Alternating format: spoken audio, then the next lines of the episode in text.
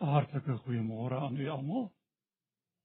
Mens vir u 'n baie geseënde Christusdag toe. En bid dat ons altyd herinner sal word aan die wonder van God se genade soos hy dit aan ons in sy seun en ons Here Jesus Christus aan ons getoon het. Voorreg om saam met julle te wees. My gebed is dat die Here vir ons baie ryklik sal seën. Nou ek het daaraan gedink om net so ietsie te sê, u weet, wanneer dit gaan oor Kersfees dan hoor 'n mens nou verskillende opinies en verskillende dinge. En natuurlik weet ons nie op watter dag Christus gebore is nie. Uh dis maar so met verloop van tyd dat 25 Desember aanvanklik nogal so 'n bietjie in reaksie teen 'n heidense fees so 'n teenvoeter teen 'n heidense fees hierdie dag gevier is en so met verloop van tyd het dit ingewortel geraak in die kerkgeskiedenis en het dit natuurlik deel van uh, ons tradisie geword. Natuurlik word Kersfees in 'n groot mate maar gekommersialiseer. Sekerlik die tyd het iemand gesê wat die meeste geld spandeer word van die jaar wat jy dit ooit sal kry. Uh en in die konteks hiervan het dit by my opgekom. En ek wil graag vanmôre met u iets deel, die tema wat ek met u wil deel is wie is Jesus? Want uiteindelik gaan alles oor hom. En dit is sekerlik die belangrikste vraag waarvoor ek en jy ooit in ons lewe te staan sal kom. Om te kan antwoord en om te kan weet wie Jesus is. En ek dink dit behoort hierdie dag vir ons ook in te hou oor wie Jesus is. En daarom het ek vir u 'n geseënde Christusdag toegewens omdat dit om Jesus gaan. Hy wat na hierdie aarde toe gekom het en in ons plek kom staan het. Nou, die gedeelte wat ek vir u wil voorlees vind u uit Matteus hoofstuk 16 vanaf vers 13. Matteus 16 vanaf vers 13.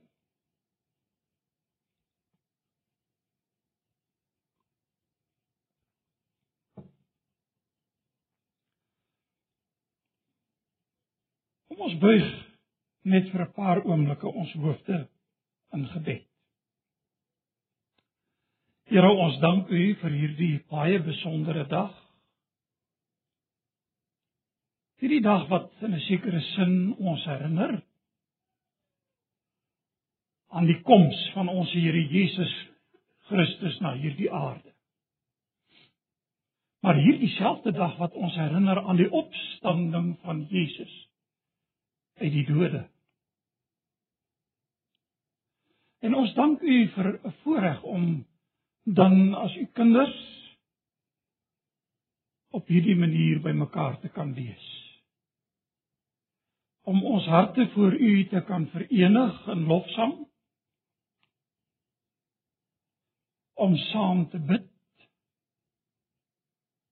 En om saam te luister na U woord. En Here, U ken vanmôre ons harte, U ken ons omstandighede. En my verlange is dat U in die rykdom en in U grootheid van U genade en in U sorg sal voorsien en sal antwoord soos wat U die beste weet. Dit bid ons vir elke persoon wat hier by mekaar is. En saam met die ou lied wil ons vanmôre by u pleit en sê: Gaan my nie verby, o Heiland. Vertoef hier by ons. Werk deur die woord en deur u Gees. En ons bid dat die naam van Jesus Christus, ons Here en Verlosser, groot gemaak sal word. Ons vra dit in Jesus naam. Amen.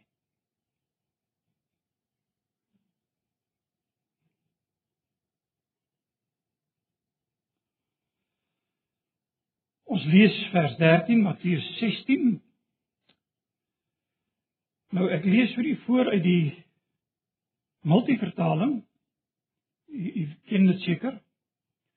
Uh en ek gaan keuses maak in die teks. U sal dit hoor. Ek sal ook van die ou vertaling gebruik maak.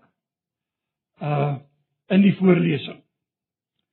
Toe Jesus in die streke van Caesarea Philippi kom, het sy disippels vir hom gevra: "Wie sê die mense is die seun van die mens?" Hulle antwoord: "Party sê Johannes die Doper, party Elia, party Jeremia of een van die profete." Maar julle het hy gevra: "Wie sê julle is ek?" Simon Petrus het geantwoord: "U is die Christus, die seun van die lewende God." Salig is jy Simon Barjona het Jesus vir hom gesê. Want vlees en bloed het dit nie aan jou geopenbaar nie, maar my Vader wat in die hemel is. En ek sê vir jou, jy is Petrus en op hierdie rots sal ek my kerk bou. En die magte van die doderyk sal dit nie oorweldig nie. Ek sal aan jou die sleutels van die koninkryk van die hemel gee. En wat jy op die aarde toesluit, sal in die hemel toegesluit bly. En wat jy op die aarde oopsluit, sal in die hemel oopgesluit bly. Toe het Jesus sy disippels beveel om vir niemand te sê dat hy die Christus is nie. En dan wil ek net een versie verder aanlees van toe af. Met ander woorde met hierdie belangrike vraag en antwoord lees ons van toe af het Jesus dit vir sy disippels duidelik begin stel dat hy Jerusalem toe moet gaan en baie moet ly onder die familiehoofde die priesterhoofde en die skrifgeleerdes en dat hy doodgemaak moet word en op die en die derde dag uit die dood opgewek moet word. Net hierdie gedeelte. Mag die Here dit baie ryklik aan ons seën. Ook as ons nou hieroor gaan nadink.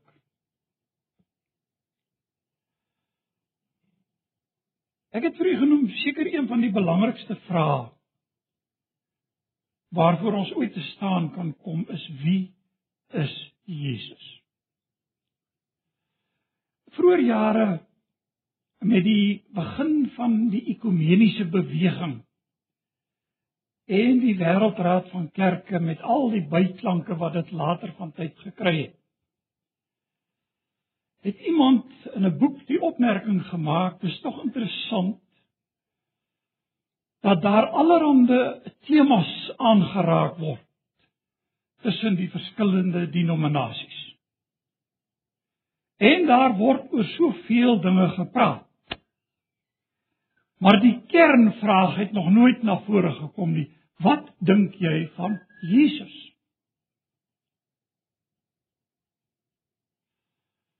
En in hierdie gedeelte wat ons saam gelees het, is dit duidelik dat dit vir Jesus 'n geweldige belangrike vraag was waarmee hy sy disippels konfronteer. En nou te mense al baie gedink, jy weet, ons praat met mekaar en dan uh uh hoor jy en dit word ook gesê in die openbaar en dis vandag mos die populêre ding om te sê ons almal in hierdie land is mos maar gelowige mense, maak nou nie saak wat jy glo nie, weet die een ou glo dit, die ander ou glo dat. Maar ons is dan ten minste almal gelowig. En dan bring dit 'n mens voor die vraag te staan: Hoe belangrik is die inhoud van jou geloof? Dis een saak om te sê ons is almal gelowiges. Maar dis 'n ander saak om te sê wat glo ek? Wat glo ek van Jesus?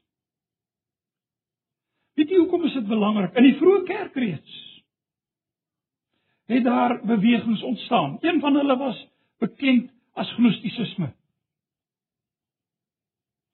En dit was nou 'n beweging afgelei van die woord gnostisisme, kennis. Die ouens wat hulle nou beroep het, beroem het op 'n hoër kennis, jy weet, hoër kennisvlak wat hulle nou bereik het as die normale mense. En hulle het op hierdie hoër kennisvlak hierdie besondere openbarings en dinge dan ontvang. En natuurlik het dit uiteindelik aanleiding gegee tot die feit dat daar ernstige vrae gevra is dan oor die menswording, die vleeswording van die Here Jesus, waaraan ons dan in besonder vandag dink. Hy wat mens geword het, wat onder ons kom woon het. En natuurlik het van hierdie ouers gekom en gesê nee, wag 'n bietjie. Uh dit klink 'n bietjie ver gesog. Uh Hy het 'n skynliggaam aangeneem of was net 'n tyd lank teenwoordig in die liggaam van. Maar nie werklik mens geword soos jy en ek. Nou jy moet nou onthou dit gebeur nou binne die vroeë kerk. Dis nou kwessies wat ter sprake kom binne die vroeë kerk. En luister na Johannes se antwoord hierop. En dis hoekom ek sê die inhoud van geloof is belangrik. Johannes kom en hy sê die een wat nie erken dat Jesus in die vlees gekom het. Ek lees vir u uit 2 Johannes vers 7. Daar het baie misleiers in die wêreld te voorskyn te voorskyn gekom. Hulle erken nie dat Jesus die Christus is wat mens geword het nie. En luister wat sê. Dit is wat ek die misleier en die anti-kris noem. So die inhoud van jou en my belydenis van wie Jesus is is baie belangriker as wat ek en jy ooit kan dink. Dis nie sommer maar net 'n ligtelike saak nie. Dis fundamenteel vir ons Christelike geloof. Dis fundamenteel vir die voortbestaan van die kerk.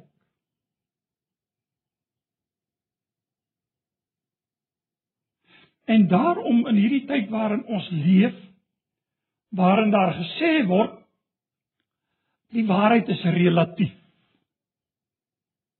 Jy ken dit mos, ons al baie gehoor. En as jy dan sê maar die Bybel sê so, dan sal iemand vir jou sê ja. Nee, dis relatief. Dis jou verstaan daarvan.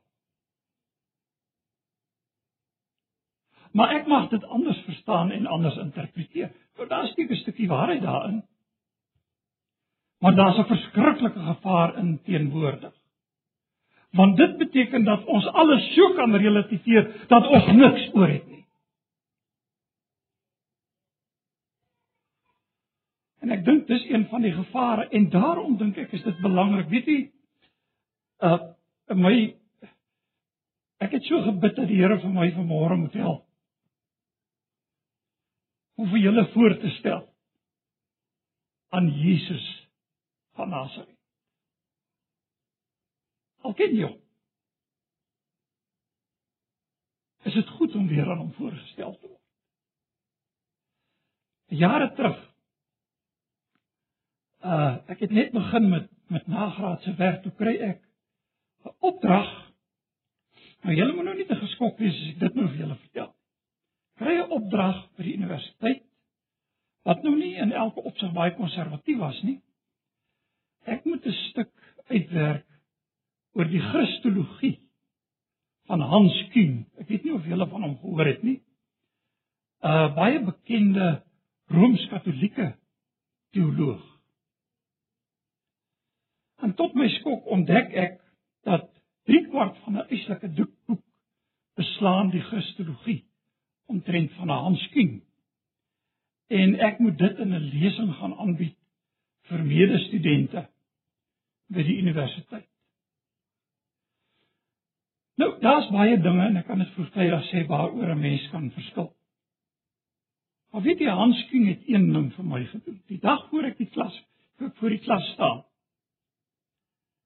Toe begin ek deur te sê Hans King het my opnuut aan Jesus van Nasaret voorgestel. En dis nogal heel wat gesê want hy's nou nie die konservatiefste teoloog wat jy op aarde sal kry. Net terloops hy's later aan geëkskommunikeer uit die Rooms-Katolieke Kerk uit omdat hy te protestants in sy denke was. Maar ek dink die ding het eintlik gegaan formeel omdat hy ook die onfeilbaarheid van die paus bevraagteken het. En dit het hy die trek was gekry.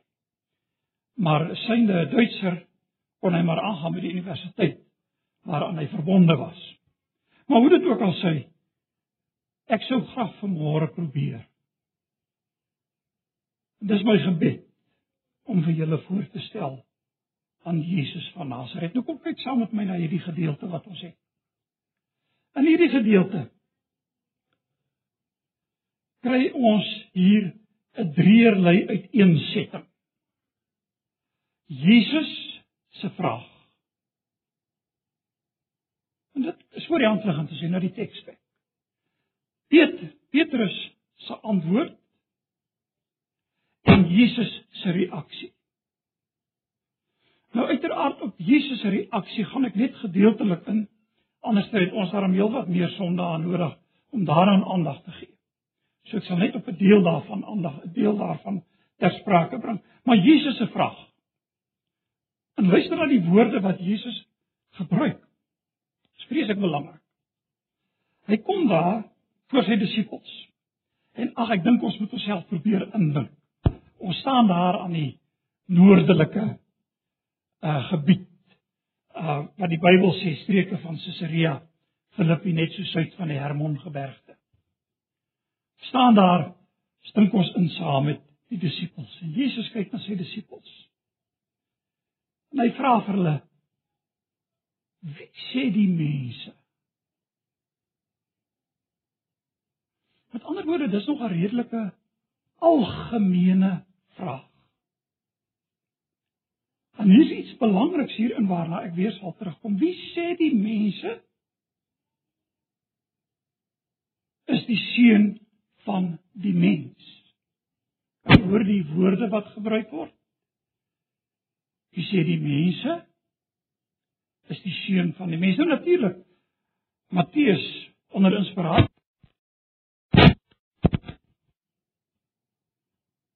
as nog reg, klink so. Is baie lief om die term seun van die mens te gebruik. Jy sal dit heel dikwels in Matteus raakloop. Trouwens 'n 30 plus kere wat dit in Matteus voorkom. Seun van die mens. Nou wat word bedoel met seun van die mens. Weet jy? Ek het tradisioneel in my eie denke hoofsaaklik die fokus laat val op Jesus se menswording. Hy was volkome mens.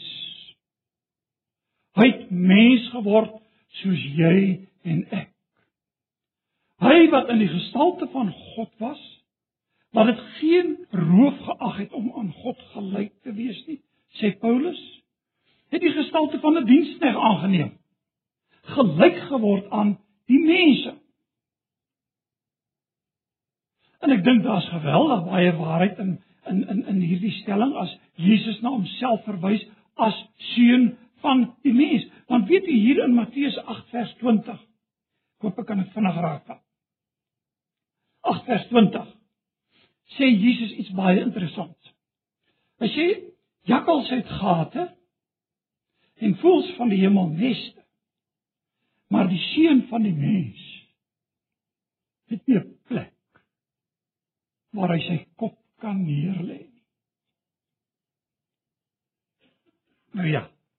Hierdie ou teksie het ek nogal so in die loop van die jaar wat verby is heel dikwels gekwoteer want ons was later van ja, van in die in hierdie jaar betrokke in 'n in 'n bouprogram en uiteindelik ook getrek. Maar weet jy, aanvanklik toe ons nou daar in die houthuisie gewoon het met al sy beperkings en gebreke dan uh, dan hy dan dink ons nou maar terug en dan sê ons jong, dit nou die regte ding wat ons gedoen het hier. En dan het ek altyd gedink en sê ek weet jy ons het 'n huis. Ons het 'n dak oor ons kop. Ons het 'n bed. Ons het 'n kussing. Ons kan warm slaap. Maar Jesus moes sê jakkalse het 'n blyplek. Hulle het gate. Die voëls van die hemel het neste. Maar die seun van die mens het nie 'n plek waar hy sy kop kan neerlê nie. Hy het homself ontledig. Hy het mens geword. Dis waaraan ek en jy vandag herinner word. En as Jesus dan sê, wie sê die mense is die seun van die mens? Dan herinner ons onsself aan Jesus wat mens geword het. Volkomme mens. Hebreërs stel dit nog ernstiger en ek ek moet dit net kortliks verwys. Ek gaan nie baie hier lank hier by stil staan nie. Hebreërs hoofstuk 2. Hier by vers 14 lees ons: Aangesien hierdie kinders mense van vlees en bloed is, het hy, dit is nou Jesus, ook net soos hulle mens geword. En luister dan. Dit het hy gedoen om deur sy dood die een wat mag het oor die dood Dit is die duiwel te vernietig. Dit is 'n geweldige uitspraak. Maar goed, hy het mens geword. Ons lees verder in hierdie selfde deel in vers 17 daarom moes hy in elke opsig aan sy broers gelyk word. Hebreërs 2 vers 17 sodat hy 'n barmhartige en 'n getroue hoëpriester voor God kan wees. Jesus seun van die mens wat na hierdie aarde gekom het. Het al baie gedink en gewonder. Hy kon seker ook sy toon teen 'n klip stukkend stap. Want hy het mens geword. Volkomme mens. Sodat ek met al my gebreke vanmôre weet, ek het 'n getroue hoë priester wat hom oor my ontferm omdat hy weet van my mens wees. Hy het volkomme mens geword. Maar weet jy, hier is 'n ander faset in hierdie vraag wat ek in die verlede dikwels misgekyk het. Seun van die mens het ook 'n ander sy met verrykende implikasies.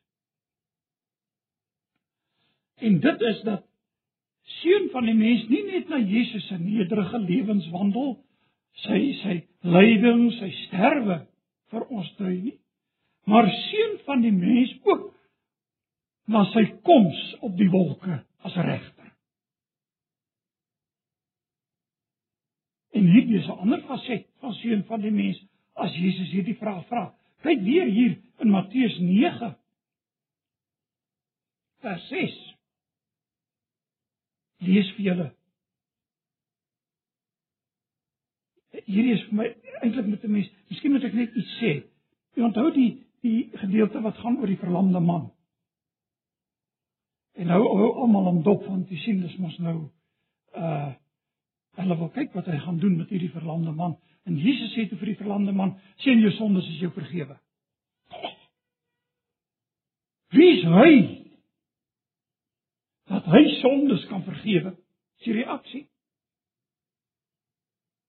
En dan kom Jesus en hy sê: "Waarom het julle sulke slegte gedagtes in julle harte? Wat is tog makliker om te sê jou sondes is vergewe of om te sê staan op en loop?"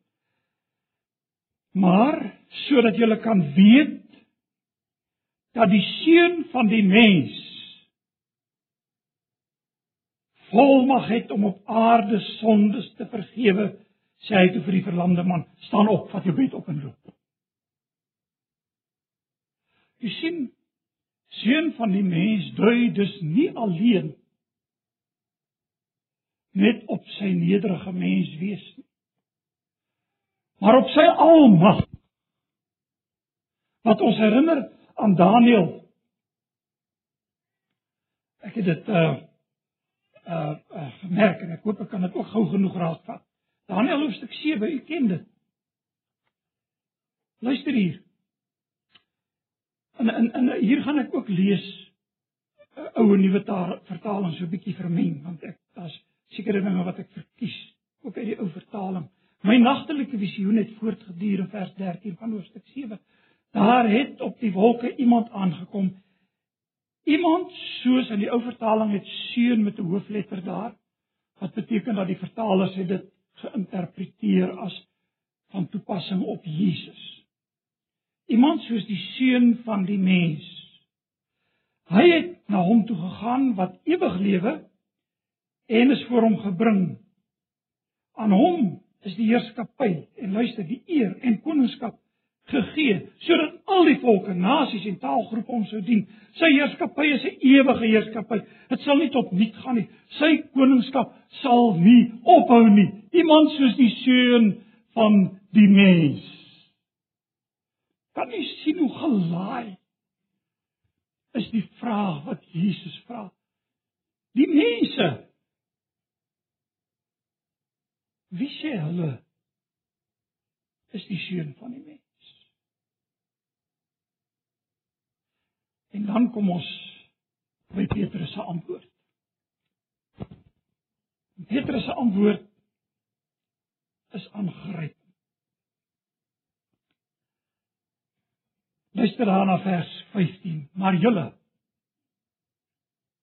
het hy gevra. Wie sê julle is ek?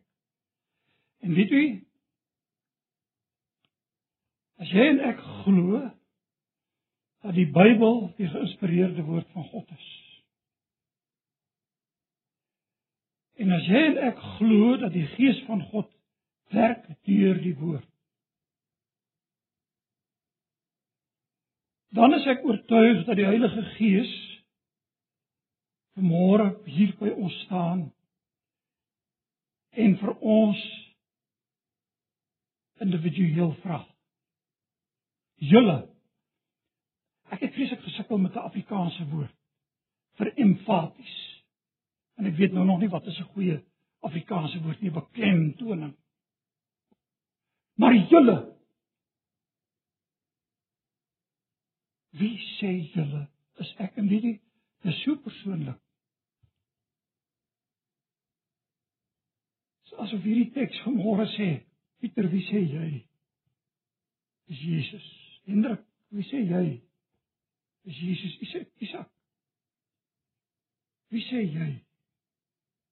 Dis Jesus.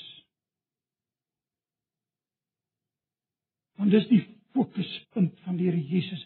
Dit word klemtoon in hierdie teks en Petrus Simon Petrus antwoord. En hier kom dit. U is die Christus, die seun van die lewende God. En al weet jy het ons hier 'n rykdom wat in hierdie paar woorde opgesluit is. Want hiermee bely Petrus Jesus is die Messias wat sou kom. Jesus is die lang verwagte Messias, die belofte van die Ou Testament. Die vervulling van die ganse Ou Testament. Dis wat Petrus sê as hy na Jesus kyk en hy sê u is die Christus. Want dadelik herken en erken Petrus wie Jesus is. Sy later daarby kom mooi dit reg gekry het. Hy is die gesalfde.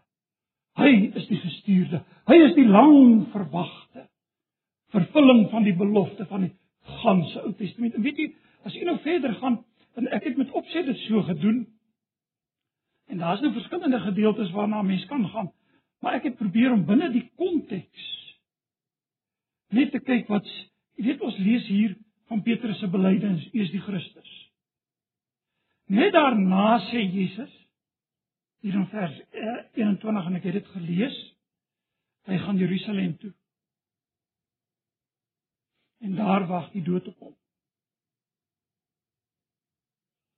En hy sê hulle moet stil bly op hierdie stadium. Ten opsigte van Petrus se belydenis. En net daarna praat hierdie gedeelte oor hoe om Jesus te volg, jou kruis op te neem En net daarna volg die verheerliking op die berg. Nou ek wil hê jy moet kyk na die verheerliking op die berg. Daar's iets wat hier vir my so treffend is. Ons lees dat Jesus met Petrus en Jakobus en Johannes op die berg gegaan het. En daar was hulle alleen. En toe hulle daar is, lees ons hier in hoofstuk 17 vers 2, Jesus se voorkoms voor hulle oë verander, sy gesig het begin straal soos die son. Maar jy onthou dit het met iemand anders ook in die Ou Testament gebeur. Moses het die wet van die Here op die berg gekry. Jesus se gesig het begin straal soos die son, sê die Bybel. Sy klere het wit geword soos lig. Skielik het Moses en Elia aan hulle verskyn saam met Jesus. En dan lees ons terwyl hy nog praat, het 'n helder wolk hulle skaduwee oor hulle gegooi en kyk 'n stem vir hulle gesê: "Dit is my geliefde seun. Luister na hom." Waaroor gaan dit? Jesus is die Christus. Hy's die vervulling van die ganse Ou Testament. Wie saam met hom op die berg? Moses, verteenwoordigend van die wet. Isa, verteenwoordigend van die profete. en dan kom die stem uit die hemel: "Dit is my geliefde seun. Luister na hom." Verstaan jy nou waarom Jesus so dikwels in Matteus 5, 6 en 7 gesê het: "Julle het gehoor dat die mense van die ou tyd gesê het: Jy mag nie," en dan verwys hy na die wet. En wat sê hy dan? "Maar ek sê vir julle." Hy's die vervulling van die wet. Hy's die vervulling van die profete wys die vervulling van die ganse Ou Testament. Hy is die Christus. En vir Petrus op daardie stadium moes hierdie waarheid toegevou het. Toe hy gesê het: "U is die Christus, die seun van die lewende God." Nou lewende God is ook 'n term wat nie so dikwels in Matteus voorkom nie, maar hy kom ook voor in Matteus wat ook aan die Ou Testament ontleen is. Wat altyd na God verwys as die lewende, die een wat handelend teenwoordig is. En in Jesus is God handelend teenwoordig. Dis wat dit beteken.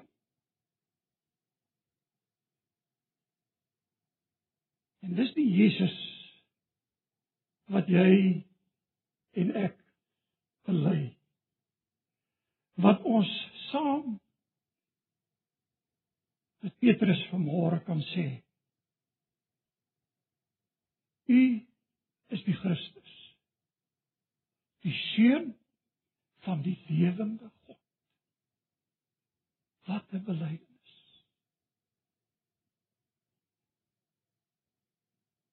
Ek wonder of dit nie die eerste Nuwe Testamentiese geloofsbelijdenis op skrif is, maar dit daar gelaat.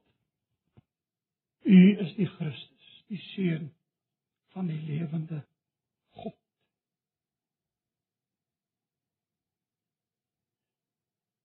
Die Bybel sê vir ons van die Here Jesus. Hy het aan ons getoon wie die Vader is. Johannes 14, toon ons die Vader. En Jesus sê ek is so lank al by julle, jy sê toon ons die Vader. Hy wat my gesien het, het hom gesien wat my gestuur het. Hebreërs sê hy is die afskynsel van sy heerlikheid, die afdruksel van sy wese. Hy, die Christus, die seun van die lewende God.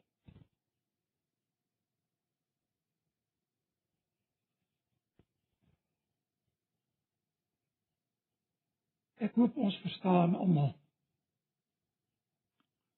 As ek en jy vanmôre hierdie belydenis maak, is dit baie dieper in omvang as wat ons ooit dit werklik sou kan verstaan. Dit was Petrus se belydenis en dan kom ons by Jesus se reaksie waar ek net kortliks van stil staan. Maar is belangrik. En ek het nou spesifiek gekies vir die woord salig. Die nuwe vertaling, Afrikaanse vertaling het gelukkig as jy Simon Barjona sê Jesus nou. Die uh, die uh, die multivertaling die sê geseënd is jy. Dit is al 'n bietjie beter. Uh, die ou vertaling sê salig. Salig is jy.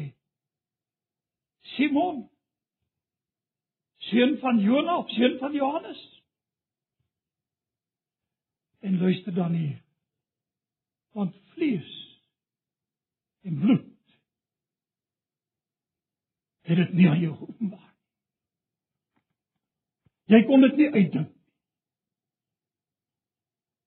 jy kon nie self tot hierdie konklusie raak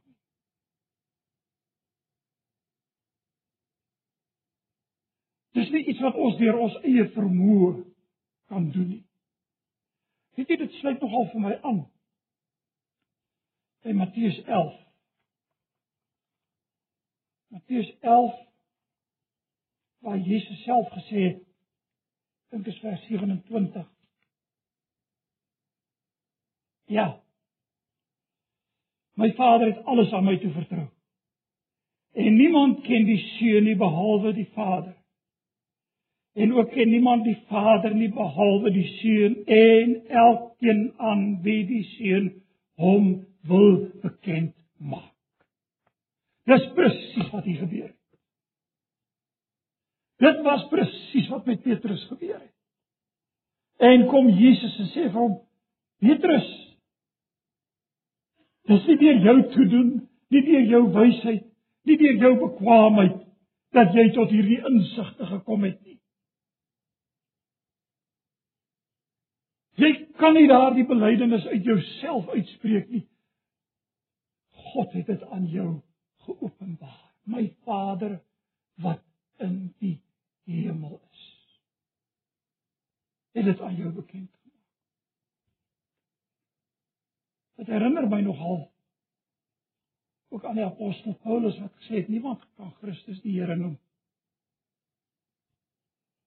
Die Heilige Gees in hom dit nie doen.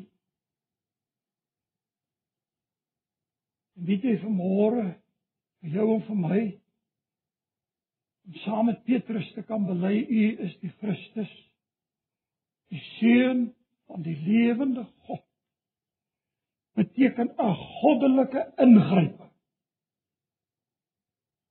wat dit vir ons moontlik maak.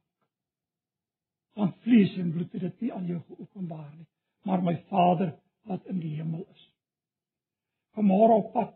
Hierheen het ek na 'n uh, erediens uitsending geluister uh uit uh, die NG Kerk Suidoos.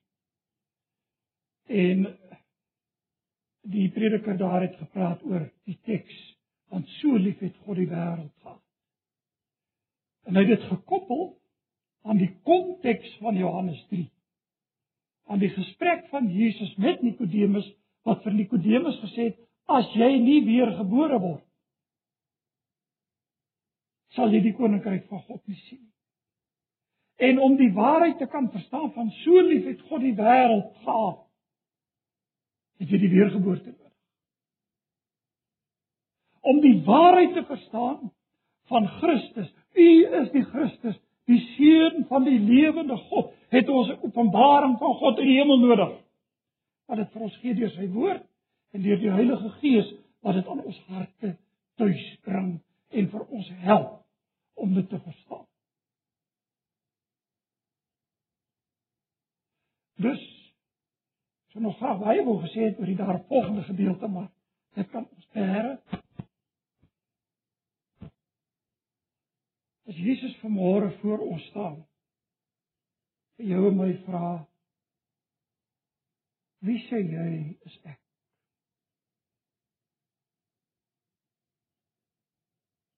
Kom ons buig ons hoofde nou in gebed. En ons antwoord saggies saam met Petrus. U is die Christus. Die seun van die lewende God. Kom ons buig ons hoofde vir 'n paar oomblikke stil gebed.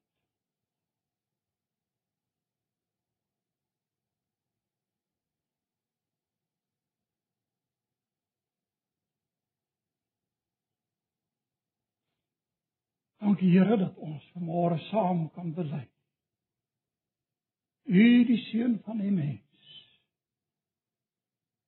U is die Christus. Die seun van die lewende God. Ons bely dit in dankbaarheid voor U in hierdie oomblik. Amen.